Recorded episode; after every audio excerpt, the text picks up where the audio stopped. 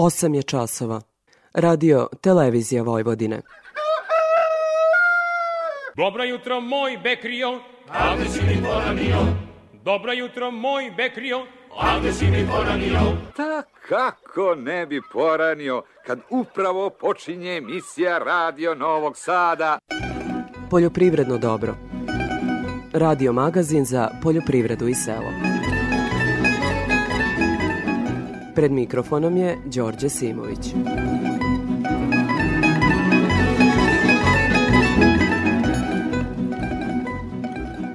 Poštovni slušalci, dobro jutro. Danas je mali jubilej. Slušate 350. emisiju Poljoprivredno dobro koju uređujem. A sad konkretno. U Bačkoj je počela setva šećerne repe u regionu Sente, a narednih dana taj posao će početi u regionima Sombora, Vrbasa i Bačke Palanke. Među poljoprivrednicima vlada veće interesovanje za setvu repe zbog dobre ponuđene cene, kao i najavljene pomoći države za tu proizvodnju.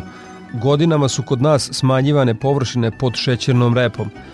Konačno dobra vest stiže za proizvođače šećera. Direktor sirovinskog sektora u šećerani u Crvenki, Nastadin Jovović, kaže da će površine ove godine u odnosu na lane biti povećane za 10.000 hektara, pa očekuje da ćemo ove godine imati i više od 40.000 zasejanih hektara pod šećernom repom. Ove godine cena šećerne repe je na istorijskom maksimumu. Cena ove godišnja je 52 euro centa plus e, 4% marže i 50% semena gratis e, da podržimo sjetvu kako u prvoj tako i u drugoj setvi ako dođe do presejavanja. Jovovićev kolega u šećerani u Vrbasu, Rade Miljević, kaže da raduje činjenica da su se proizvodnji šećerne repe vratili proizvođači koji su tu kulturu poslednji put sejali pre 4 do 5 godina. Ja sam već 29 godina u industriji šećera, ovo prvi put da je cena e, repe prešla 50 euro centi po toni, tako da e, je to jako povoljno i jako imamo dobar odjek kod proizvođača, 52 evra je osnovna cena, tim da imamo bonuse na seme i bonuse na digestiju. Subvencija od 35.000 dinara po hektaru biće isplaćivana preko šećerana, ali samo za one proizvođače koji predaju 50 tona repe po hektaru za površine do 500 hektara. Realno je da taj novac proizvođači dobiju krajem ove ili početkom naredne godine. U poljoprivrednom dobru ćemo još govoriti na temu prolesne setve. Tim povodom u Bačkom Brestovcu posetili smo Nebojšu Radića, kilogram semenske soje košta preko 210 dinara, 215, 220. Kukuruz po hektaru košta od 20 do 30 hiljada, zavisnosti od hibrida. Hemija je otišla gore do 30%, možda čak i više. U temi emisije govorimo gde se eventualno može uštediti u ratarskoj proizvodnji pomoću novih tehnologija. Konkretno govorimo o variabilnom đubrenju – kratko u uvodu stručnjak za ovu temu Dejan Brankov govori o uštedama prilikom variabilnog đubrenja, ali i o tome zašto je važno biljkama dodati onoliko hraniva koliko im je potrebno. U Novom Kneževcu, kod dobrog proizvođača, da proizvođač pripremi 200-300 kg mešanog đubriva kompleksnog, a da upotrebi i do 50% manje. Imalo bilo je parcela gde nije uopšte radio predosnovnu Eh, obradu PK đubrivo, nego da će raditi na proleće azotna đubrivo ili možda neko statnih, statnih đubriva, ali uštede jesu uh, tu u korist biljke. Ne želimo da dodajemo previše hraniva, odnosno đubriva na u zonama gde to realno nije potrebno. Tema svih tema ovih dana je mlečno govedarstvo. Baš zato ću toj temi uskoro posvetiti jednu celu emisiju Agroargumenti. Vaše sugestije svakako su dobrodošle, pa vas pozivam da nam pišete na e-mail dobro.rtv.rs ili da nam svoje komentare ostavite na društvenoj mreži Facebook u grupi Poljoprivredno dobro. Toliko uvodu slušamo Bilju Krstić i pesmu Uče puška niz goru zelenu.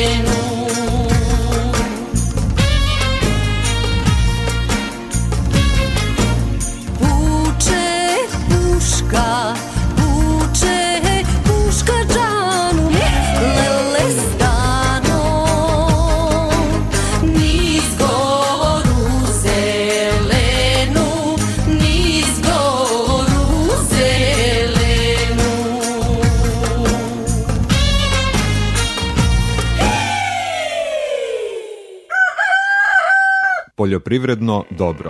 Radio Novi Sad.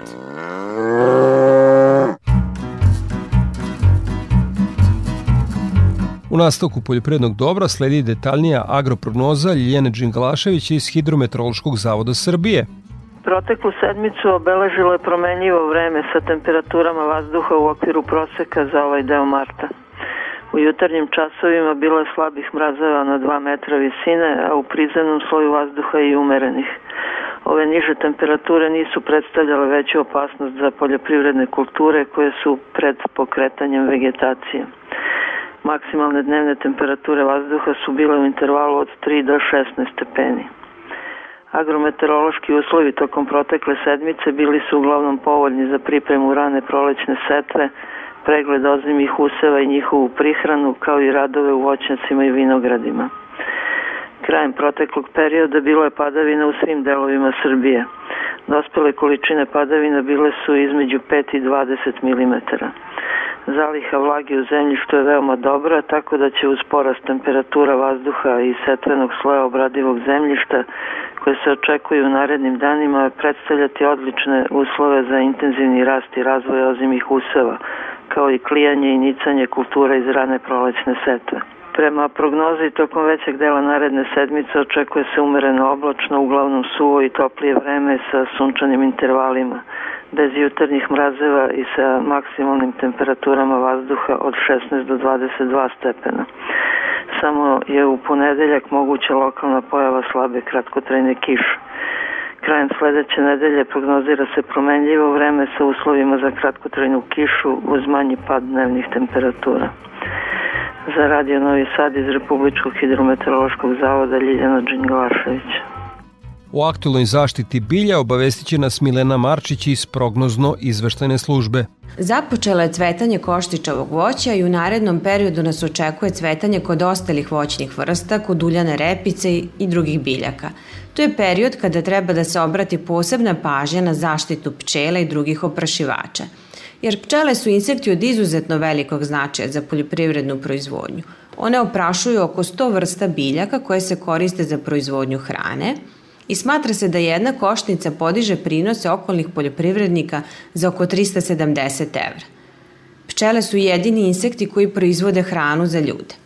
Dakle, iako je korist od pčela u proizvodnji hrane od izuzetno velikog značaja, nisu redki slučajevi pomora pčela usled trovanja pesticidima – I kako mi u ovoj rubrici emisije Poljoprivredno dobro redovno informišemo slušaoce o potrebi primene pesticida u cilju očuvanja biljne proizvodnje, sada je i pravi moment da se podsjetimo koje su to mere za sprečavanje trovanja pčela pesticidima. U toku cvetanja je zabranjena primena insekticida, zatim primjena insekticida mora biti u skladu sa upustvom navedenim na etiketi. Treba slediti sve preporuke koje ukazuju na smanjenje opasnosti za pčele i druge oprašivače. Ukoliko su u zasadu u kome se planira primjena insekticida prisutni korovi u cvetanju, neophodno je njihovo uništavanje.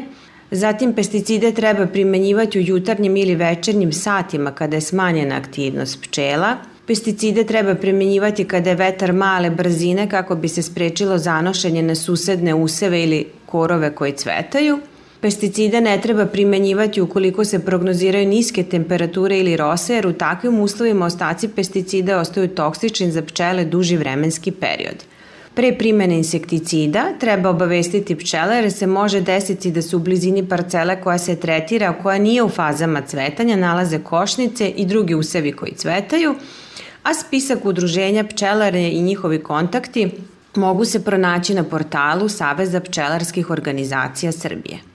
Ratare već nedeljama unazad informišamo o visokom intenzitetu prisustva simptoma biljnih bolesti usevima strnih žita i da je na gotovo svakoj parceli na području Vojvodine postignut epidemijski prag štetnosti od 10% zaraženih biljaka – Pored toga što se ove godine u usevima pšenice konstatuju mnogo viši procenti biljaka sa simptomima sive pegavosti ili ista u odnosu na prethodnu godinu, ono što zabrinjava je prisustvo simptoma rđe u visokom procentu, i to i lisne rđe, ali i žute lisne rđe, Tako da je naša preporuka što pre sprovođenje hemijskih mera zaštite. Evo, konačno su i temperature porasle, što je neophodno za efikasno delovanje fungicida, tako da svim proizvođačima pšenice mi preporučujemo da izvrše hemijske mere zaštite svojih useva od patogena registrovanim fungicidima. Sve detaljne informacije slušaoci mogu pronaći na portalu prognozno izveštene službe za zaštitu bilja, odakle se javlja Milena Marčić. Slušamo Teoduliju i pesmu Duni mi duni lađane.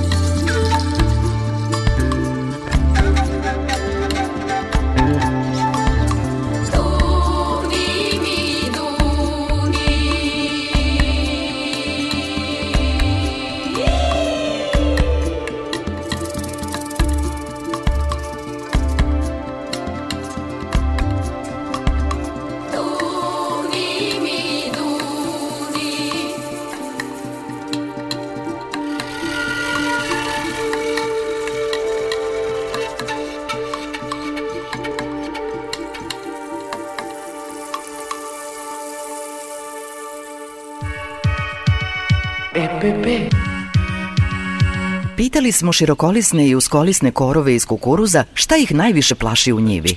Čif i nikogan. A šta su čif i nikogan? Proizvodi koji nam ne daju da se razvijamo ko ljudi. Mislim, ko korovi. Pa vi onda, kao korov, u kukuruzu više nemate šta da tražite. Da, nažalist. Da korova nema ni od korova. Čif i nikogan. Adama. Pesticidi, đubriva, semena i još oko 2000 artikala za poljoprivredne proizvođače. Uz besplatan prevoz, stručne savete i mogućnost kreditiranja.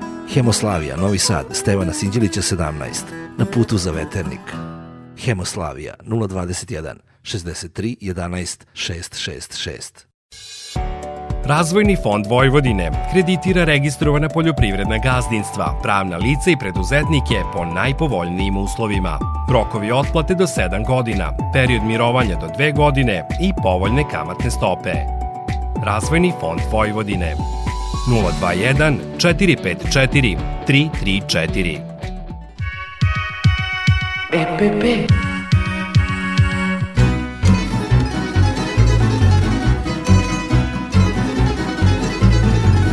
O prometu žitarica na produktnoj berzi više Maša Arsić.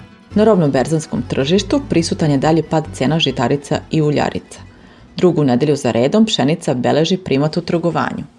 Ukupno je prometovano 2273 tona robe, čija finansijska vrednost iznosi 71 milion 267 hiljada dinara. U odnosu na prethodnu nedelju promet je manji za 40%. Prvi radni dan na tržištu kukuruza obeležio je izostanak tražnje, dok su ponuđači pored kukuruza promptnu isporuku nudili robu sa klauzulom gratis lager do kraja aprila. Veća aktivnost kupaca zabeležena je u drugoj polovini nedelje, ali su na obim prometa uticale razlike u nameri kupaca da nabave kukuruz sa aflatoksinom 10 do 20 ppb-a, dok je tokom nedelje ponuđena roba najčešće bila bez potrebnih analiza. Kukuruzom se trgovalo u cenovnom rasponu od 25,50 do 26,50 dinara po kilogramu bez PDV-a. Pšenica je količinski bila najdominantnija kultura u trgovanju sa prometovanih 1275 tona robe.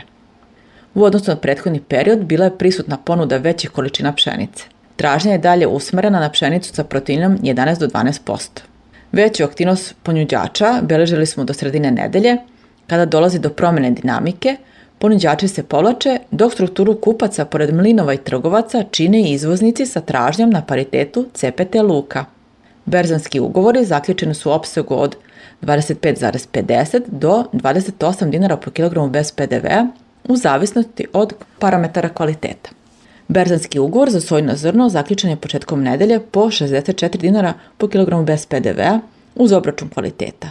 Tokom nedelje ponuda je ostala na istom cenovnom nivou, ali do daljeg trgovanja nije došlo. Tražnja je izražena za manje količine i na nižem cenovnom nivou od 63 dinara po kilogramu bez PDV-a uz obračun kvaliteta.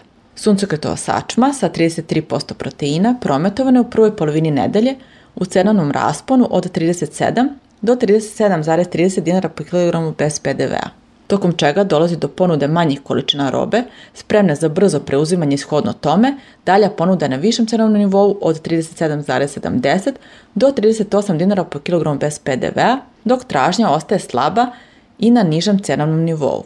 Veštačko đubrivo urea, ruska, prilovana 25 kroz 1, prometovana je po ceni od 520 eura po toni, bez PDV-a dok je urea ruska prilovana u pakovanju 500 kroz 1 prometeona po ceni od 480 eura po toni bez PDV-a. Sa produktne berze Maša Arsić. Nakon izveštaja sa produktne berze, Gordana Jeličić iz Infotim Logistike obavestit će nas o trendovima na tržištu stoke.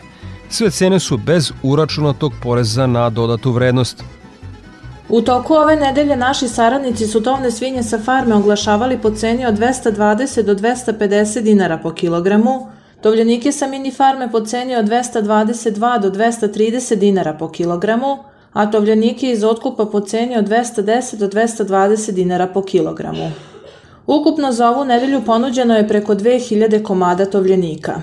Tokom nedelje pregovori su bili na nivou cena do 220 dinara po kilogramu, Klaničari su najavili viši nivo cena za iduću nedelju, gde je planirano da se tovljenici plaćaju u rasponu cena 235 do 240 dinara po kilogramu. Pored tovljenika beležili smo i ponudu nazimica za priplot F1 na 45.000 dinara po komadu i neraz za klanje se nudio na cenu 150 dinara po kilogramu. U toku nedelje prasaca farme su se oglašavale po ceni od 416 do 495 dinara po kilogramu, prasaca mini farme po ceni od 370 do 400 dinara po kilogramu, a prasad iz otkupa po ceni od 350 do 370 dinara po kilogramu. Prasad za klanje su se nudila na cenu 340 dinara po kilogramu.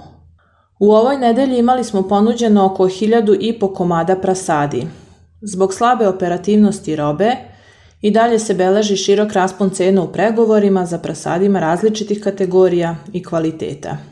Ponuda jagnjadi oglašena je po ceni od 330 do 417 dinara po kilogramu, preko 500 komada u ponudi, a ovce za klanje su nuđene po ceni od 180 do 185 dinara po kilogramu.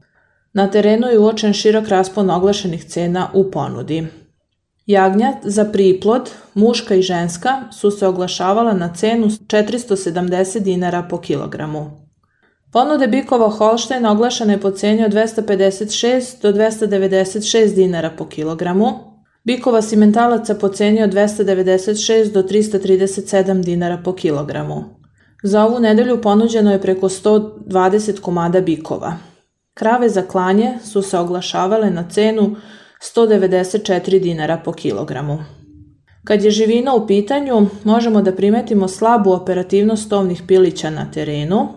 Cena jednodnevnog pileta beleži porast cene u oglasima i za ovu nedelju je u širokom rasponu cena od 46 do 60 dinara po komadu. Cene su izražene bez PDV-a. Za Radio Novi Sad, Gordana Jeličić, Info Team Logistika. Slušamo Zvonka Bogdana i pesmu Te sam laćo trgovco, pa u temi emisije govorimo o novim tehnologijama u poljoprivredi, konkretno o variabilnom đubrenju kao i setvi. Te sam laćo trgovco, te sam laćo trgovco, najtoviću mrskovco, temerao, temerao, temerao, te sam laćo trgovco, najtoviću mrskovco, temerao, temerao, temerao.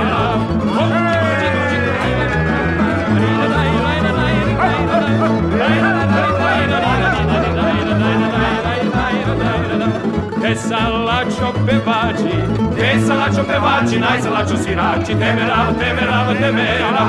Te salačo pevači, najsalačo svirači, temerao, temerao. Jasne,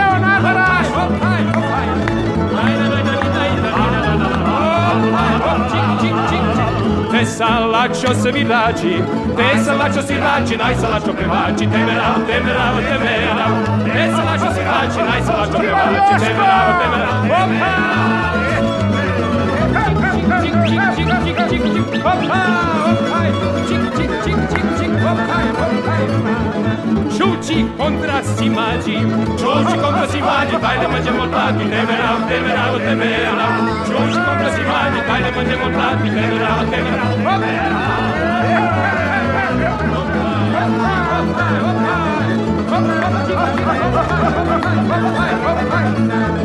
Šućo, begeš u podumo, šućo, begeš po dumo, daj da mađe je krumo, temerao, temerao. Šućo, begeš po dumo, daj da mađe je krumo, temerao, temerao, temerao. Tema emisije.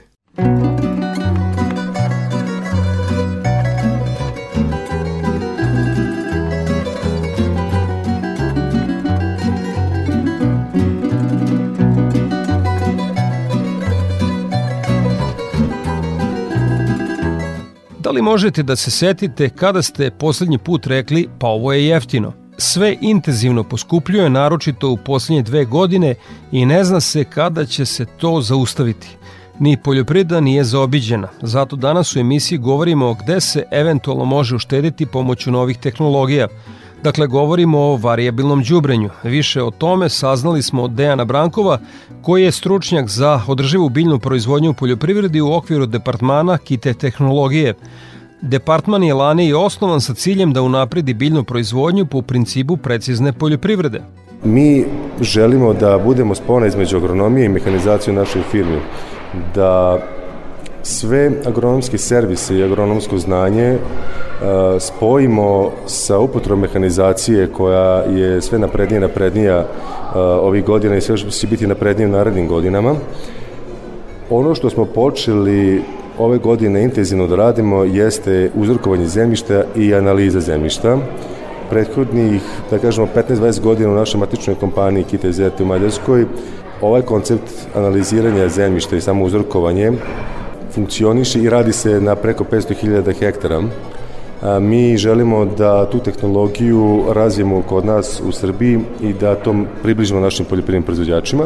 Šta radimo i kako radimo, već nekoliko proizvođača u Vojvodini se uverilo u našu tehnologiju i u uspehe koje smo postigli ove godine. Osnova za početak saradnje sa, sa proizvođačima jeste da se upoznaju kakvo im je zemljište, odnosno šta imaju u zemljištu od makro i mikroelemenata samog mehaničkog sastava.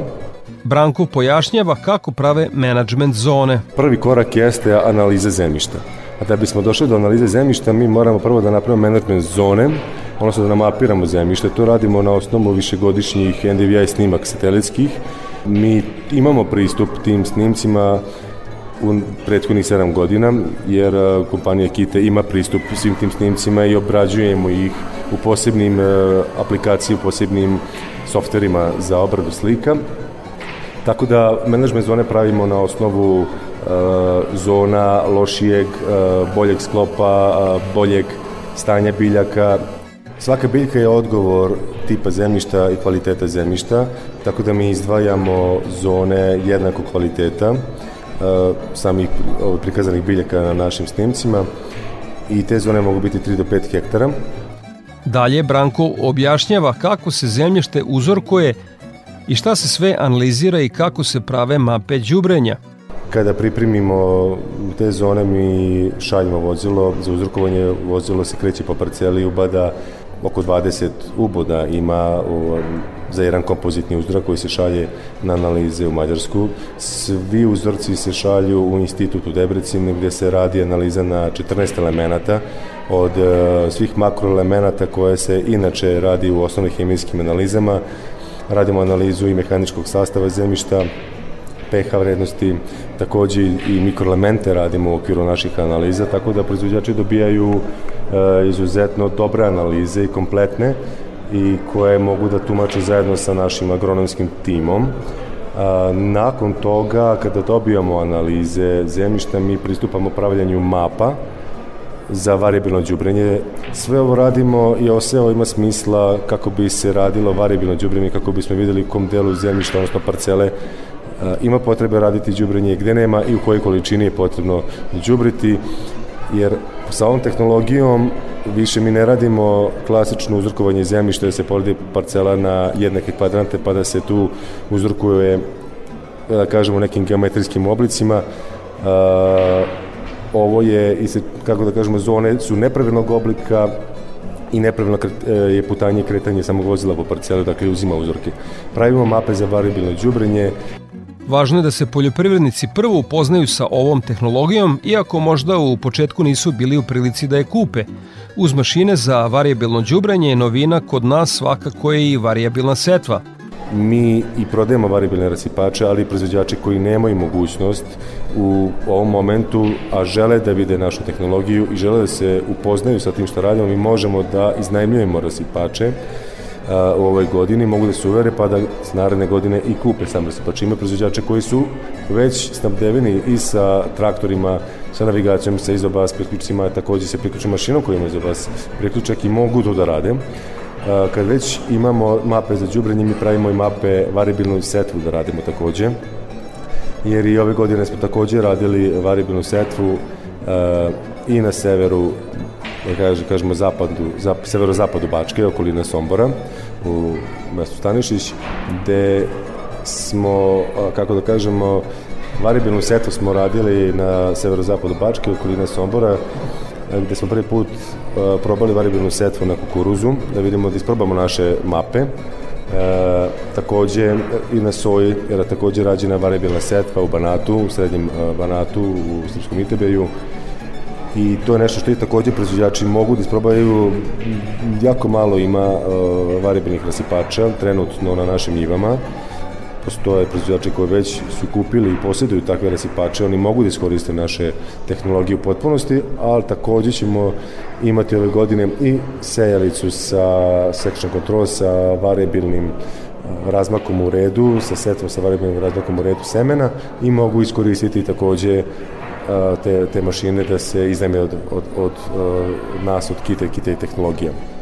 I za kraj teme Dejan Branku priča o uštedama prilikom variabilnog đubrenja, ali o tome zašto je važno biljkama dati onoliko hraniva koliko im je potrebno. Ušteda prilikom variabilnog đubrenja može biti i značajna.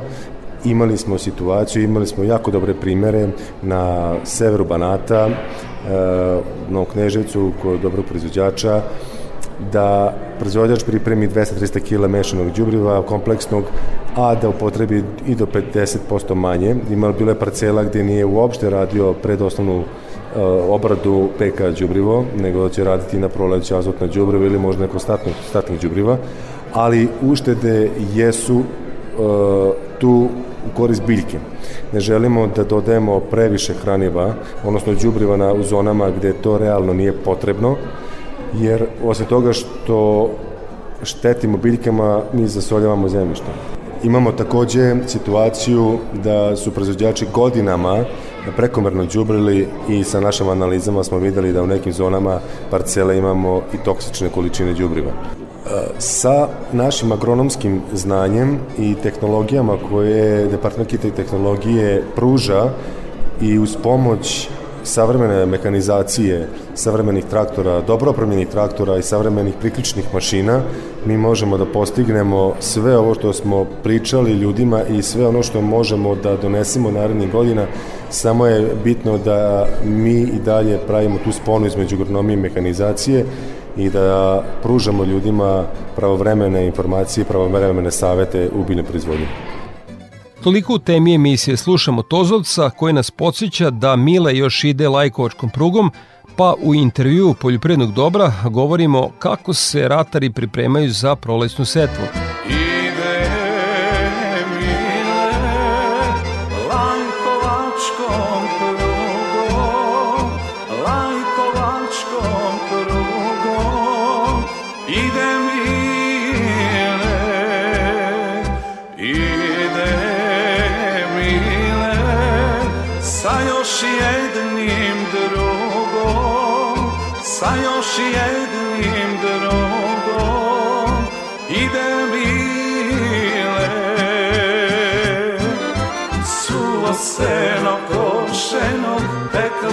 Reka kroz selo Ako reci riba plovi Nema ko mi da lovi. Suvo seno košeno Pekla reka kroz selo Ako reci riba plovi Nema ko da lovi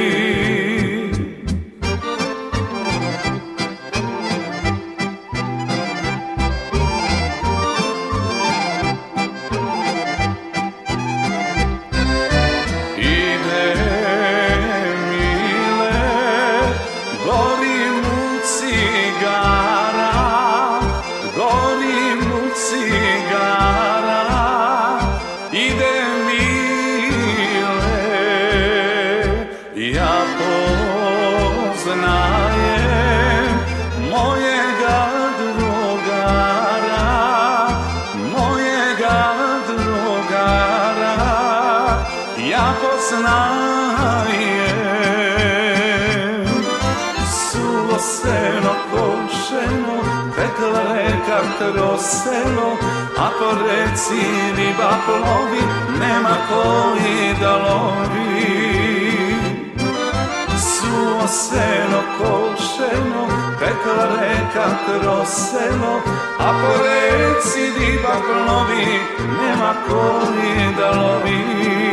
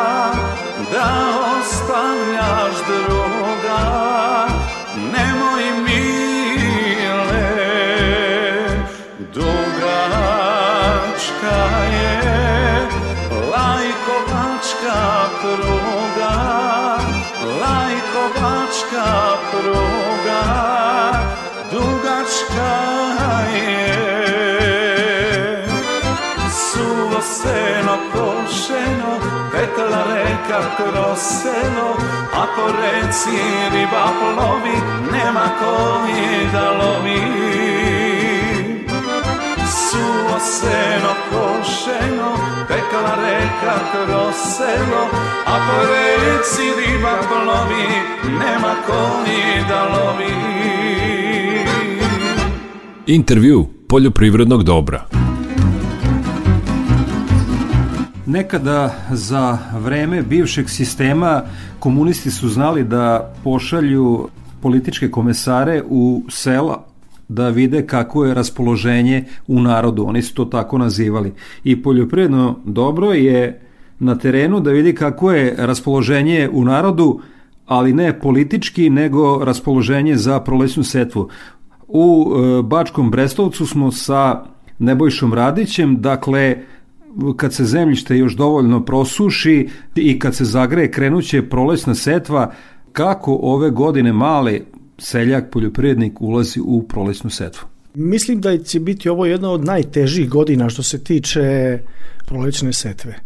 Većina ljudi ovde kod nas je već zatvorila zimsku brazdu, normalno što se radi, e, i polako počela da prikuplja seme. Znači, mene je e, zimus, na primjer, kilogram mapa koštao 180 dinara e, za kukuruz. A ako ne bacite, ne možete ni imati ništa. Ne možete se ni nadati ničemu. Trenutna cena u reje je pala na neki 70 i neki dinar. Ovde ja govorimo o malo prodaje. Veliki broj ljudi ovde je kupio u reju kad je bila 115 do 120 dinara ja još nisam kupio, čekam, iskreno nisam ni imao dovoljno nekih obrtnih sredstava i onda kada je krenuo taj trend pada, sad čekam pa ću videti već, e, trebalo bi ovih dana da, da uzmem u reju za kukuruz. E, što se tiče nafte, e, ja nisam, pre par dana sam srećom bio tamo, pa sam obnovio karticu. Mnogi ljudi su ostali, znači, bez te subvencionisane nafte, zato što su jednostavno, kako nisu kupili zima, znate kako zimi nema subvencija, e, niti mi je potrebna nafta. Tolika količina nafte, mislim, za, za rad i ako ne, ne, ne uzmete naftu par meseci, ostajete bukvalno bez te subvencionisane nafte. Seme je otišlo gore, mnogo kilogram semenske soje košta preko 210 dinara, 215, 220. Kukuruz po hektaru košta od 20 do 30 hiljada, zavisnosti od hibrida. Hemija je otišla gore do 30%, možda čak i više. Jako, jako veliki problem će biti e, još zbog jednog razloga. Prošle godine je desetkovan rod bio. E, bukvalno prepolovljen što se tiče i soje i kukuruza i pšenice. Tako da ove godine e, će biti jako teško zasnovati proizvodnju iz svojih sobstvenih sredstava. Većina ljudi će potegnuti uh, u tim uh, kreditima i ostalo čisto za, za, za tu prolećnu setvu i ako se desi nešto još gore. Mi apsolutno nismo imali ni podršku nikakvu e, ni od koga. E, sad i pogledajte, mi smo bili e, prošle godine desetkovani sa padavina. Nismo imali uopšte padavina. Znači suša je bila, ali sam ja bio prinuđen da platim odvodnjavanje ni na jednoj svojoj parceli nemam na kilometar i nešto bilo kakav kanal koji bi mi od, napravio odvodnjavanje ili bilo šta drugo. Ni čak ni navodnjavanje, ni odvodnjavanje. Ali sam prinuđen da plaćam i tako znači već 50 i kusur godina ja plaćam. Znači moj otac pre toga je plaćao isto odvodnjavanje koje apsolutno nije mogao da koristi. Na taj problem ukazujemo godinama i pitanje kada će on biti rešen. Recite mi ovaj kraj, gde god prođemo Vojvodinom zbog dobre cene i e, naknade subvencije države, e, nekako je povećano e, raspoloženje za setvu suncukreta. Kako je stanje ovde na vašem terenu za suncukret? Ovde je jako mali broj ljudi seje suncukret, skoro niko. Seje tih par velikih i to u semenskoj proizvodnji, čisto ono za seme. Ovde jako, jako slabo suncokret se radi. A koji su razlozi? Stvarno ne znam. Mi nemamo kulturu sejanja suncokreta, naša zemlja je izuzetno kvalitetna, onda nam je grehota ovaj, posejati suncokret na tako kvalitetnoj zemlji koja će dati nešto više roda i na pšenici, i na kukuruzu i na soji. Da li ima straha od uh, setve soje s obzirom da se stalno uh, snižava uh, taj procenat klijavosti? Znamo kako je prošla godina uh, bila i to što uh, posejate, postoji opasnost da uh, ne nikne kako se očekuje jako, jako veliki je problem. E, ja sam kupio seme koje je 85% klijavost. Mislim, tako piše na deklaraciji. Ja nisam proveravao normalno. E, prošle godine sam kupio jednu količinu semena a jedan deo semena sam imao iz sobstvene proizvodnje prethodne godine i ono što sam ja imao moje u prethodne godine je bilo bolje, bolje niklo mislim i sve ostalo nego ova što sam kupio. Znači, bolje je imala klijavost, pošto sam nosio u PSS da mi provere. Znači, koju sam ja soju proizveo, imao sam, a prošlo, prošlogodišnja soja je katastrofalna. Mi smo ovde imali nekih 11, na primjer ja lično sam imao nekih 11,5 metri po jutru soje, što je e, više od 50% od prethodne godine. mislim manje od 50%. Jer prošle godine sam imao nekih 27 metri po jutru soje u proseku. I sad vi pogledajte sa 27 padne na 11,5 i to lošeg soje, loše kvaliteta e, koju nisam ni ostavio za seme, ništa, zato sam bio prinuđen da kupim ove godine ponovo novo seme, čija je cena jako velika, a mnogi ljudi su ostavili tu takvo seme i takvo seme će sejati baš zbog toga što, što, što nemaju dovoljno novca da zasnuju novu proizvodnju. Više puta smo bili ovde kod vas i uh, ukazivali na to koliki su problemi u stočarstvu, konkretno u svinjarstvu, jer vi konstantno smanjujete broj svinja na svom gazdinstvu, S druge strane, problemi su u svetvi uh, visoka cena inputa, neizvesna naplata. Kako smo uopšte došli do toga da gotovo ne znamo jednu stvar koja je isplativa u poljoprivredi? Jer ono, mislim se pomogne e, selu, seljacima na neki način, jer sve ozbiljne države imaju svoju proizvodnju hrane. Kod nas to ide naopako. Kao da je sramota da mi imamo svoju proizvodnju hrane. Pazite, jedina slobodna država, jedin slobodan narod je onaj koji ima svoju proizvodnju hrane. Jer vi ne zavisite od uvoza. A šta smo mi, do dokle smo mi došli? Mi smo došli do toga, pa evo ja sam prvi, jel ne mogu ja da radim protiv sebe, verujte, ja sam godinama imao gubitke na proizvodnji svinja. I šta ću, ja sam zadnjih godinu dana prodao 17 krmača, ja sam evo ostalo nekih 5-6 krmača sada. Ne vre, jednostavno zato što ne vredi, ne mogu, ne mogu više. Ja sam stvarno dobio za prošlu godinu subvencije pre nove godine. To je 1000 dinara po jednom tovnom grlu. To je ništa, ljudi moji. Kada sam ja izgubio 3000 ili 4 ili 5000 po tom istom tovnom grmu sam izgubio. Samo zato što sam, nisam prodao ni kukuruz, ni soju, ni ništa. Pa ljudi, znate vi šta je to? Pogledajte samo koliko košta kilogram hrane e, svinske. E, košta vam preko 60 dinara. 6 puta 3 računajte neki 3 kg pojede za kilogram prirasta, 6 puta i to je 18.000 vas košta samo hrana za jednu svinju. Gde vam je prase, gde vam je krmača, gde vam je osemenjavanje, ne do bog lečenje. Ako nema, ako imate bilo kakav problem, to to sve košta, to se gomilaju samo ti računi i to sve i, i to je jednostavno jako jako teško teško izneti jednom čoveku. Ja sam, na primer, imao možda sreću ili nesreću da tu hranu koju sam hranio, te svinje, sam imao proizvođačku cenu hrane. Znači, moju lično. Ali, znači, nisam izgubio toliko, u stvari, ali nisam ni zaradio. Jer zašto mi radimo nego za zaradu? Jer ja apsolutno ne mogu napred. Na ovaj način se ne može napredovati. Ne možete ni ostati na istom, nego kad svake godine gubite jedan deo profita, u stvari više to nije ni profit, nego gubite osnovicu. I to sve vide mladi i zato odustaju od poljoprivrede. Ovde jako, jako mali broj ljudi ostaje na, na poljoprivredni mladi ljudi. Eto, ja imam e, dvoje dece, starija čerka je napustila državu posle magistrature, trenutno je u Francuskoj, e, sin je na fakultetu, sad ne znam šta će dalje, on ima tako veliku želju da ostane i voli to, ali iskreno mislim da, da je bolje da sam ga željan ili nje da sam željan nego da ga žalim što, što, što će ostati. Za Radio Novi Sad kao i uvek iskreno Nebojša Radić, Brački Brestovac. Hvala vam što ste odvojili vreme za naš program. Takođe svim vašim slušalcima želim prijatan dan. EPP pesticidi, đubriva, semena i još oko 2000 artikala za poljoprivredne proizvođače, uz besplatan prevoz, stručne savete i mogućnost kreditiranja. Hemoslavija, Novi Sad, Stevana Sinđilića 17, na putu za veternik. Hemoslavija 021 63 11 666. EPP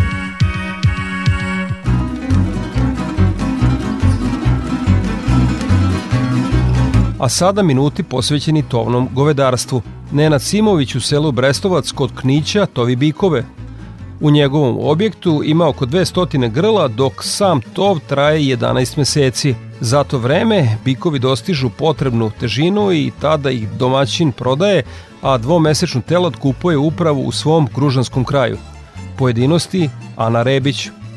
Nenad Simović u selu Brestovac kod opštine Knić drži u tovu oko 200 bikova. Pre toga Simovići su se bavili proizvodnjom mleka, međutim pre 16 godina prelaze na tov postepeno uvećavajući broj grla.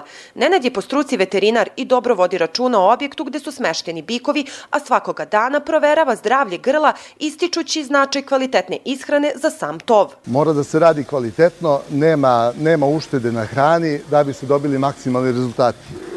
Znači, sa, sa kvalitetnom hranom mi dobijamo a, dobar prirast za kratko vreme. Što kaže, nema štednje na hrani, a, kup, mora se kupuje dobar, kvalitetan materijal za tov, odnosno telad, biraju se telad, tako da to je neki recept za uspeh. Kabasu hranu no, proizvodimo sami i deo pšenice. Ovo ostalo se kupuje sve, da kažem, soje na sačuma, suncokretova sačuma, direktno uljarama kupujemo i trudimo se i kukuruz, pšenicu, sve ovo što je potrebno, kupuje se direktno da kažem, po nekim berzanskim cenama na veliko, tako da tu jedino što možemo da napravimo neku uštedu, a inače, što kažem, sama, da, da mi proizvodimo hranu i to sve, mislim da bi to koštalo dosta puno.